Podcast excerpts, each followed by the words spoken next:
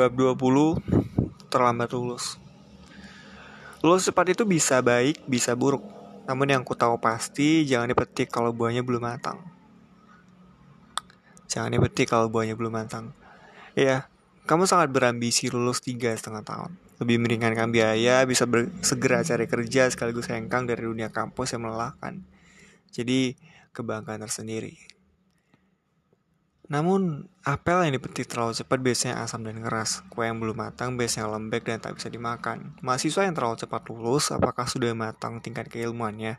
Apakah sudah benar-benar memahami semua mata kuliah dasar? Ataukah hanya lulus seadanya saja tanpa benar-benar tahu makna mata kuliah tersebut? Pengerjaan skripsi apa adanya demi mengejar ambisi lulus cepat. Ilmu bukan sekedar duduk di bangku, mengangguk pada setiap pembahasan dosen, ikut ujian, lalu lulus. Ilmu juga butuh makna. Sudahkah kamu memaknainya? Ilmu juga butuh praktek. Sudah kamu mempraktekannya? Ataukah ini semua hanya demi ah udah capek gini-gini terus yang penting cepat lulus. Apakah itu mental yang matang bagi seorang penuntut ilmu? Buru-buru mengambil kelas ini itu agar segera lulus seperti itukah kita memperlakukan ilmu? Jangan dipetik kalau buahnya belum matang. Lulus itu bukan soal waktu saja. Kita bukan kematangan ilmu, kita butuh kematangan ilmu sebelum dilempar ke tahap hidup berikutnya, entah itu industri, bisnis, atau akademisi. Sekali lagi, lulus itu bukan soal waktu saja. Memang waktu jadi faktor penting, namun ada faktor-faktor lain yang perlu dipertimbangkan. Sebagaimana hendak memetik buah, kita tak bisa menjadikan waktu sebagai satu-satunya faktor. Saat hendak memetik apel, kita perlu melihat warna kulitnya, warna dekat lekukan batangnya, rasanya, dan kelembutannya. Namun, waktu juga jadi faktor penting. Terlalu lama dipetik bisa jadi terlalu matang nantinya. Terlalu lama dibiarkan bisa membusuk. Jadi, janganlah setelah membaca bab ini kamu malah rebahan santai di tempat tidur sampai buka sambil buka Instagram. Bersantai-santai sambil mengulur waktu tak akan membawamu pada kematangan. Supaya bisa sampai ke tingkat kematangan, butuh proses, butuh belajar, butuh tahu lebih dalam. Sehingga nanti kalau sudah waktunya, kamu termasuk mahasiswa yang lulus secara matang.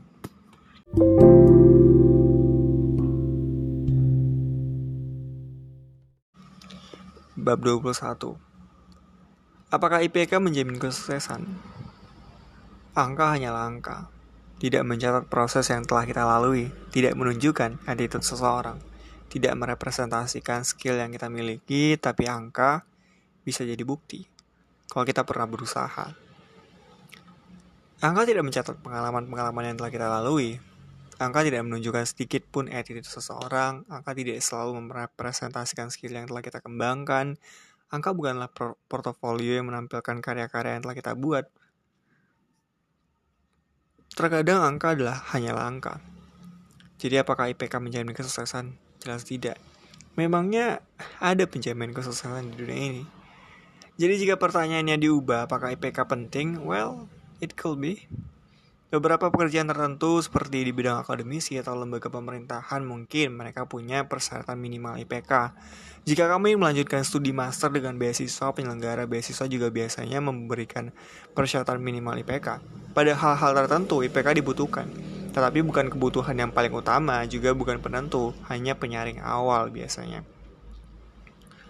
Memang banyak pekerjaan yang tak butuh skor di ijazahmu, namun itu bukan berarti kita berleha-leha dan merasa nggak usah getol mencari PK tinggi, cuma angka kok. Bukan gitu cara petarung berjuang. Pejuang yang sesungguhnya akan berusaha sampai ke titik penghabisan, semampunya. Jika kamu tak punya pengalaman apa-apa semasa kuliah, Tak tahu skill tambahan yang bisa kamu kembangkan minimal kerahkan usahamu untuk mendapat yang terbaik. Memang pada akhirnya angka hanyalah angka, namun bukankah memiliki nilai baik adalah satu bukti kecil bahwa kamu pernah berjuang keras untuk sesuatu? Memang pada akhirnya nilai yang telah tertulis tidak lagi dapat diubah, kan tetapi bukankah ada pintu-pintu lain yang belum terbuka? Ada skill yang belum dikembangkan, ada hobi yang belum dicoba. Bukankah begitu? Bab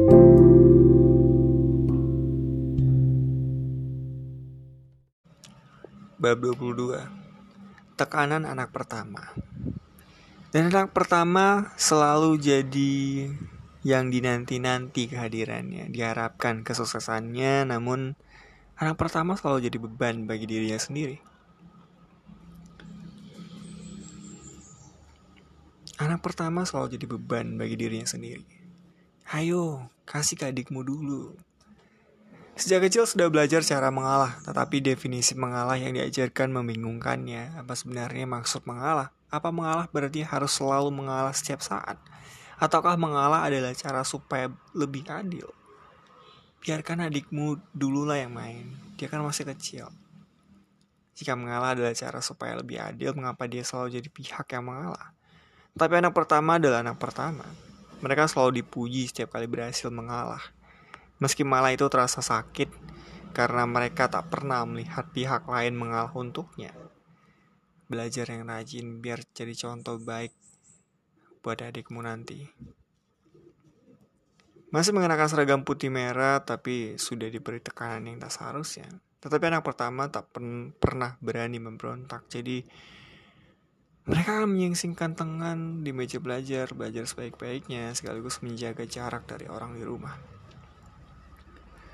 Karena usaha belajar mereka tak selalu berujung pada nilai-nilai yang bagus dan mereka selalu khawatir menunjukkan nilai-nilai tersebut. Mereka cemas membayangkan kegagalan-kegagalan di masa depan. Sebab mereka adalah anak pertama. Penolong pertama jika terjadi apa-apa. Panutan bagi saudara-saudara di rumah. Anak yang dulunya dinanti, tekanan yang tak diharapkan, karena ingin lagi mendengar tekanan yang memberatkan hati, mereka menjadi lebih pendiam di rumah, berusaha sebaik mungkin menjaga jarak, menciptakan langkah baru di dunia luar. Namun kalau ingin disematkan untuk mereka begitu berat. Terlalu berat. Mereka tak pernah meminta menjadi anak pertama, berharap menjadi anak kedua atau ketiga atau bungsu sekalian yang tekanannya tak sebesar anak pertama, namun anak pertamanya mampu melihat dari sudut pandang anak pertama. Mereka tak tahu beban yang dirasakan anak kedua setiap kali orang tua berkata, Lihat tuh kakakmu, kamu masa gitu-gitu aja. Kamu tidak tahu rasa terabaikan yang dirasakan anak, anak pertengahan karena orang tua sibuk mengurus kakak yang baru masuk ke sekolah dan adik yang baru lahir. Kamu tidak tahu rasanya menjadi anak bungsu yang terasingkan dari keluarga, beda umur paling jauh, paling jarang didengar suaranya, dipandang remeh kemampuannya karena masih kecil. Tiap anak punya masalahnya masing-masing. Mereka anak pertama berharap orang tua sadar bahwa orang tua lah yang harus menjadi panutan. Jangan bebankan apa yang tak seharusnya menjadi anak pertama. Namun anak pertamanya mampu melihat dari sudut pandang anak pertama. Mereka tak tahu beban yang dirasakan orang tua. Orang tua sadar betul mereka sudah jadi panutan tanpa perlu disuarakan. Orang tua berjuang sekuat tenaga mereka. Orang tua tak juga kepayahan berjuang, tetapi berjuang menutupi lelah raut wajahnya. Orang tua juga terbebani dan ini adalah bagian dari sifat manusia mereka. Kelemahan mereka, ketidaksempurnaan mereka sehingga mereka salah memperlakukanmu. Ingin menjadikanmu sebagai panutan adik-adikmu karena mereka pribadi ingin dirimu lebih baik dari mereka. Mereka anak-anak pertama jadi begitu kritis menilai berbagai kekurangan yang ada dalam rumah ini. Namun anak-anak pertama sering kali lupa bahwa kita tinggal di dunia yang tak sempurna, diisi oleh orang-orang tak sempurna tapi menuntut kesempurnaan. Mari kita belajar mengalah lagi namun tambahkan keadilan kali ini. Lihatlah lebih objektif bahwa semua orang kepayahan dengan ujung ujiannya masing-masing anak pertama, anak kedua, anak ketiga, anak bungsu, dan juga orang tua kita sendiri. Everybody struggling hardly, so let's make it easier for one and another.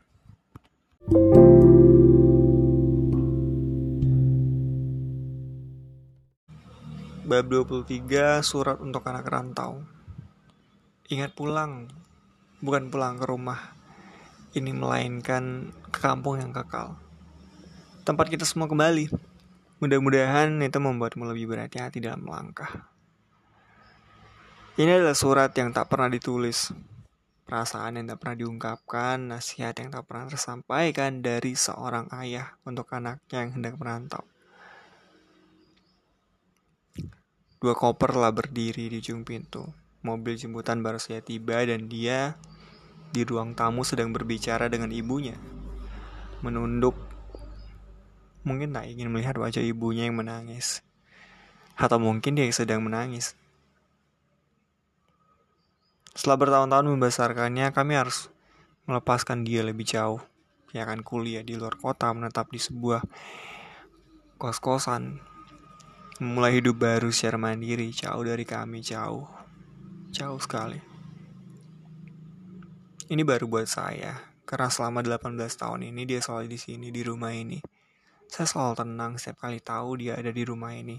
Tapi saya berusaha tabah melihat ini semua seperti yang sudah-sudah saat saya diam-diam cemas di hari pertama di dia sekolah. Saat saya diam-diam khawatir di hari pertama SMP dan SMA-nya, saya berusaha tabah tanpa ekspresi namun saya cemas. Tak ada banyak adegan pagi itu, tak banyak suara. Dia menyalami tangan ibunya, memeluk ibunya agak lama, lalu dia menghampiri saya lebih banyak menunduk. Aku pergi dulu ya pak, ucapnya bergetar. Lalu dia menyalami tangan saya dan saya ingin bicara. Baik sekali. Kuliah benar-benar ya. Pilih teman-teman yang baik. Jaga per jaga pergaulan. Jaga diri. Kalau kehabisan uang langsung telepon aja. Gak semua orang bisa kamu percaya meski mereka yang mengaku mencintai kamu. Tolong jaga diri. Kalau ada kesulitan segera telepon Sering-sering telepon kami. Kalau butuh teman bicara, kami selalu ada. Saya ingin bicara itu semua, tapi lidah saya terlalu keluh. Jadi saya cuma bisa bilang, jangan tinggalkan sholat. Mudah-mudahan dengan menjaga sholat dengan niat yang ikhlas dan tata cara yang sesuai, kami ikut terjaga. Dia mengangguk meskipun saya lebih ingin mendengar suaranya. Lalu dia berbalik, menggenggam kedua kopernya, menariknya melangkah menuju mobil, tak berani melihat kami karena air mata yang telah mengalir deras di pipinya. Tidak apa-apa. Saat dia masuk ke dalam mobil, saya ingin berkata kepadanya, Ingat pulang, bukan pulang ke rumah ini, tetapi ke kampung yang kekal. Tempat kita semua kembali. Mudah-mudahan itu membuatmu lebih berhati-hati dalam melangkah. Mudah-mudahan itu lebih menjagamu. Mudah-mudahan itu mendorongmu untuk mempersiapkan bekal yang lebih bermanfaat. Supaya kami juga tenang. Sayangnya, saya tak pernah menyampaikan nasihat terakhir ini. Namun nasihat terakhir ini telah tertulis di sini di halaman ini dan dia yang sedang merantau pasti akan membacanya. Mudah-mudahan dia senantiasa ingat.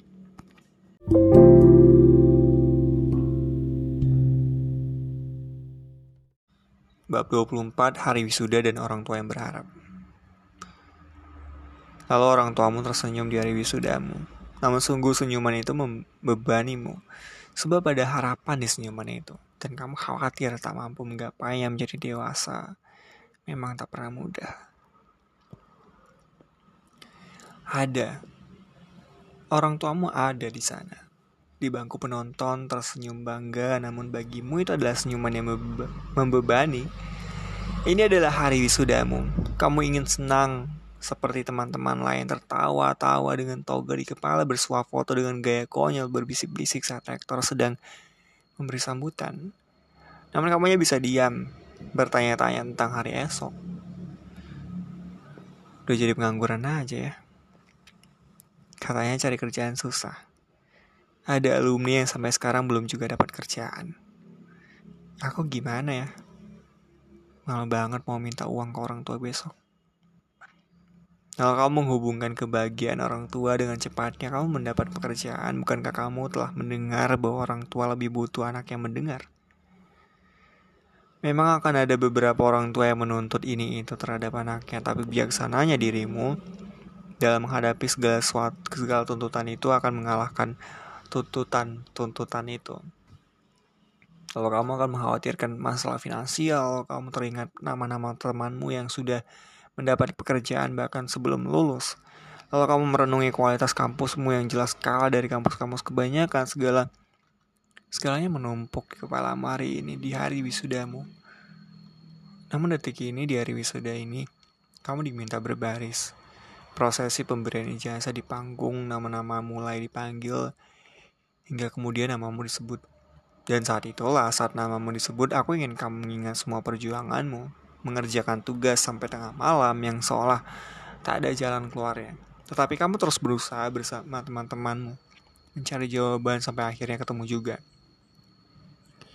Praktikum-praktikum yang melelahkan bersama laporan-laporannya yang terkadang tak masuk akal berhasil kamu selesaikan juga. Mata kuliah yang begitu sulit yang mendebarkan hatimu setiap kali kamu melangkahkan kaki ke dalam kelas. Atau kamu lulus juga. Skripsi yang rumit yang membuatmu sering kali buntu yang setiap kali revisi selalu membingungkanmu terselesaikan juga. Doa-doa yang kamu pinta selama melalui perjuangan ini akhirnya terkabulkan juga. Itu itu semua adalah tanda bahwa sesulit apa pun perjuangannya, ia akan selesai juga. Iya kan? Memang nanti di masa depan masalah-masalah yang datang tak punya batas waktu seperti kuliah, namun sebagai pengingat untuk diriku sendiri pula semuanya akan berlaku. Semuanya akan berlalu. Semuanya akan berlalu.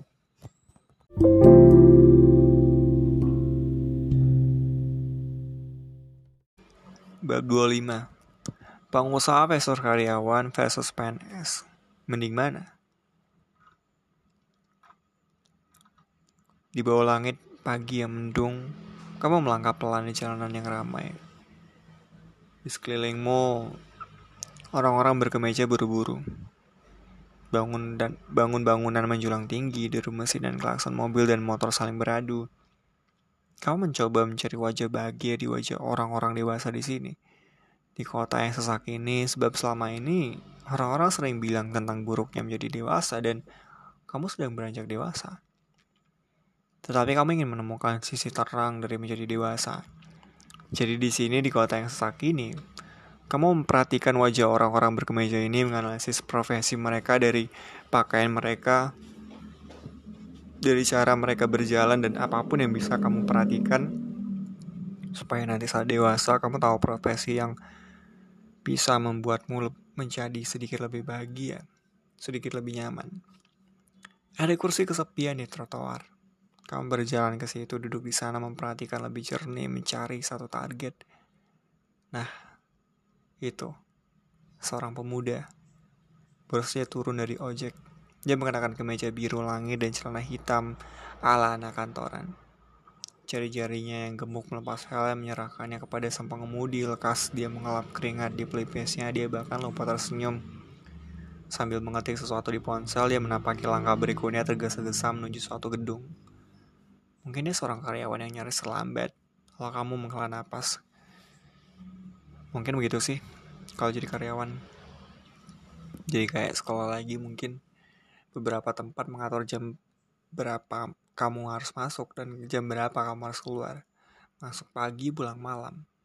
Menjadi bawa menjadi bawahan juga harus siap dimarahi bos atau dikelilingi rekan-rekan yang iri seperti di film.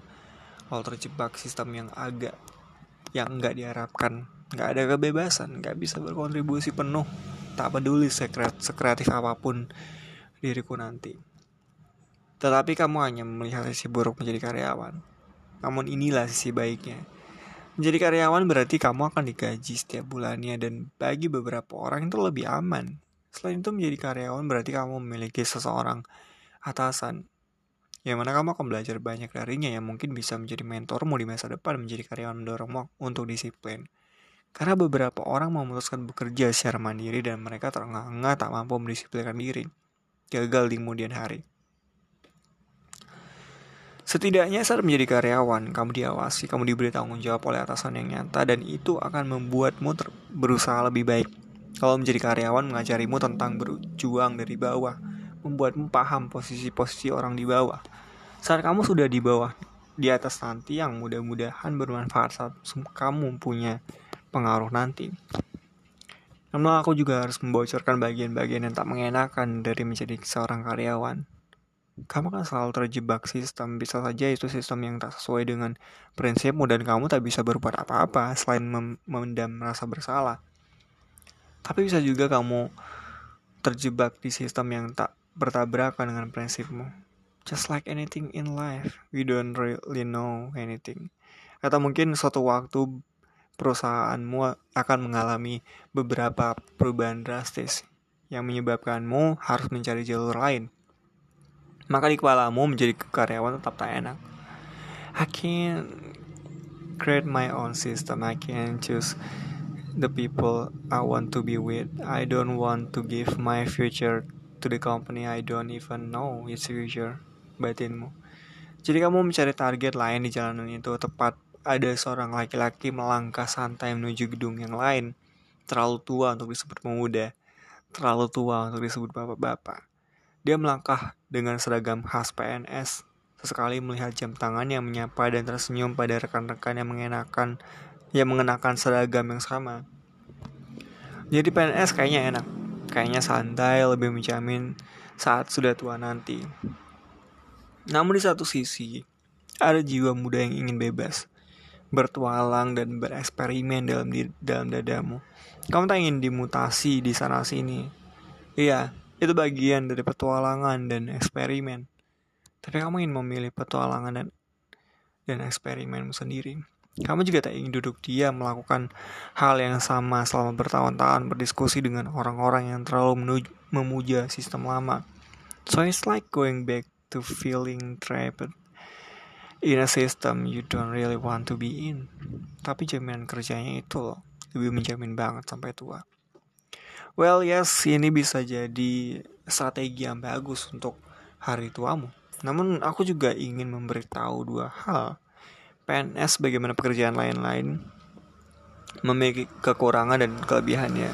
Lebihnya adalah kamu mungkin sudah tahu kurangnya juga, tetapi yang ingin kujadikan poin utama adalah tentang jaminan di masa tua dan terjebak sistem. Sekali lagi, memilih PNS untuk mendapatkan jaminan di masa tua adalah strategi yang bagus, namun kita tak bisa menggantungkan harap yang penuh pada hari ini. Bukan cuma PNS, profesi apa pun, tak bisa kita taruhkan seluruh harap kita di sana sebab kita tak tahu apa yang akan terjadi 10 atau 20 tahun mendatang. Jika kita memang ingin menjadikan ini sebagai jaminan di masa tua, maka kita juga harus memikirkan kemungkinan-kemungkinan yang terjadi di masa depan. Maksudku, bagaimana jika ada perubahan aturan di masa depan karena satu-satu dua hal yang ter terelakkan? Apakah kamu masih mau memperjuangkan ini? Atau jaminan masa tuanya saja yang kamu kejar? Adapun mengenai terjebak sistem, well, kita tak pernah bisa melawan sistem sendirian. Namun kita butuh agen-agen perubahan, kita butuh orang-orang yang terbuka ada pada inovasi. Dan jika itu ada pada dirimu, pertahankan meskipun kamu terjebak dalam kenyamanan sebuah sistem. Selama sistem itu halal dan baik, senantiasa berkumpul dengan orang-orang yang senang berinovasi agar kamu bisa mempertahankan sisi muda dalam dirimu sisi muda yang ingin berkembang yang kemudian menjadi agen perubahan bagi generasi berikutnya ingin berada di tempatmu hari ini. Yang mungkin akan terinspirasi banyak darimu dan inovasi-inovasi yang kamu ber, berusaha perjuangkan untuk sejak muda. But that, that's not going to be easy. Jika kamu punya motif yang kuat dan mulia, you will survive anyway. Kalau kepalamu mendadak rumit oleh tali-tali abstrak melingkar tersimpul mati. Kayaknya berat juga sih jadi PNS kalau aku melihat lebih jauh apalagi kalau alasanku cuma sedang kau dapat jaminan di masa tua. Jadi kamu mencari pilihan lain. Di depanmu ada apartemen yang menjulang tinggi. Kamu mengadakan mengadahkan kepalamu di satu jendela dan tirai yang, yang sedang dibuka. Enak banget tuh orang, masih di rumah jam segini. Orang tersebut seorang pemuda berpakaian necis meski hanya dengan kaos berkerah dan Jin seadanya melangkah menuju balkon dengan segelas cangkir yang mengeluarkan asap. Oh, dia sedang menelpon seseorang berbicara panjang lebar dengan senyum penuh percaya diri dan kesantaian yang luar biasa. Sekitar 7 menit di balik kon, dia kembali masuk. Dia pengusaha kali ya, santai banget hidupnya.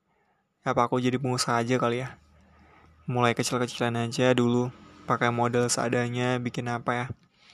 Ide belakang lah, ide belakangan lah yang penting aku sudah tahu mau jadi apa pengusaha aku bakal memiliki kebebasan aku bisa mengatur waktuku aku nggak perlu diatur sistem aku yang membuat sistem gajiku juga lebih besar dari karyawan-karyawan ini aku juga nggak perlu terjebak dalam sistem yang kerjaan yang membosankan selama bertahun-tahun hitung-hitung aku juga bisa membuka lapangan pekerjaan membantu orang-orang. Sip. Yakin, aku mau jadi pengusaha. Titik. Dan di sinilah kita sekarang. Tinggal di generasi di mana orang-orang berpikir menjadi karyawan itu menjemukan, menjadi PNS itu lebih menjamin, menjadi pengusaha, menjadi rock adalah rockstar masa kini. Seperti anak-anak kecil yang mendambakan menjadi youtuber, orang-orang dewasa mendambakan menjadi pengusaha.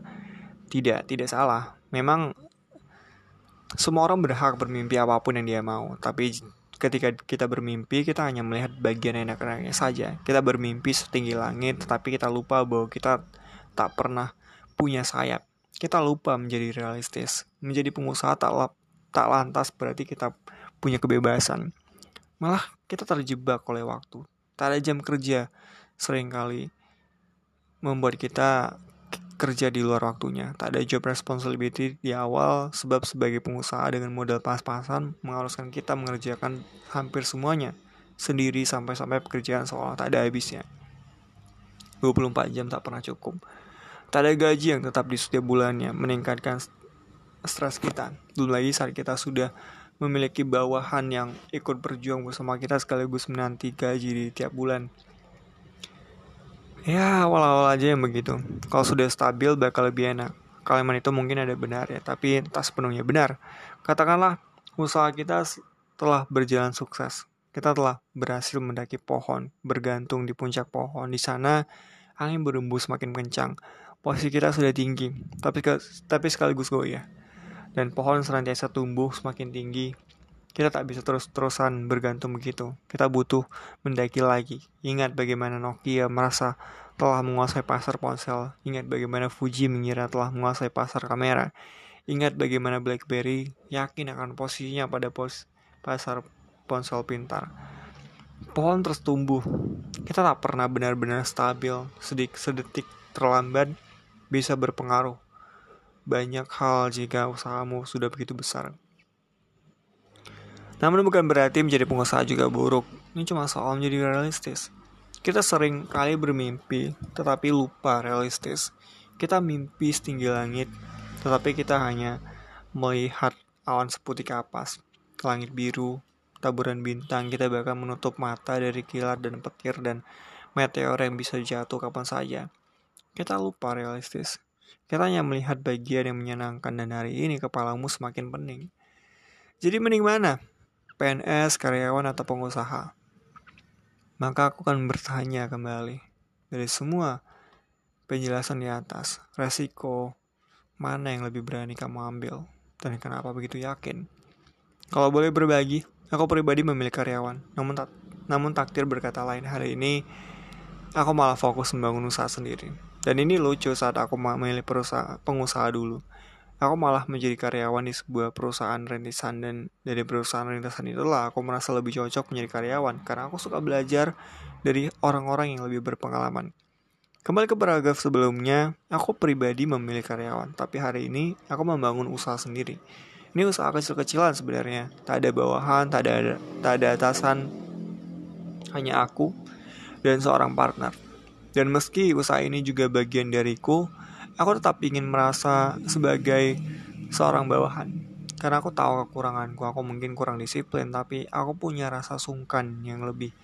Sehingga aku akan menjadikan partnerku sebagai atasan. Merasa sungkan saat kerjaanku belum beres jadilah aku bersemangat dalam bekerja. Jadi begitulah kamu pun harus mengenali kekurangan dan kelebihanmu. Terkadang untuk tahu kekurangan dan kelebihanmu, kamu juga butuh mengotori tanganmu, membasahi langkah-langkahmu, mencoba apa yang kamu inginkan, mengikuti alur yang ada sekaligus berpegang teguh pada kebenaran. Kalau nikmati prosesnya, seperti kata orang-orang, lalu tentukan pijakan-pijakan berikut. Bangun sayapmu, lalu terbanglah menuju mimpimu. Tetapi ingat-ingat, pilihlah yang halal. Pastikan benar-benar mana pekerjaan yang baik dan halal, agar rezeki yang kamu terima berkah, dan supaya hati ini juga tenang. Oh, satu lagi, Tak ada mimpi yang sempurna di dunia yang tak sempurna ini.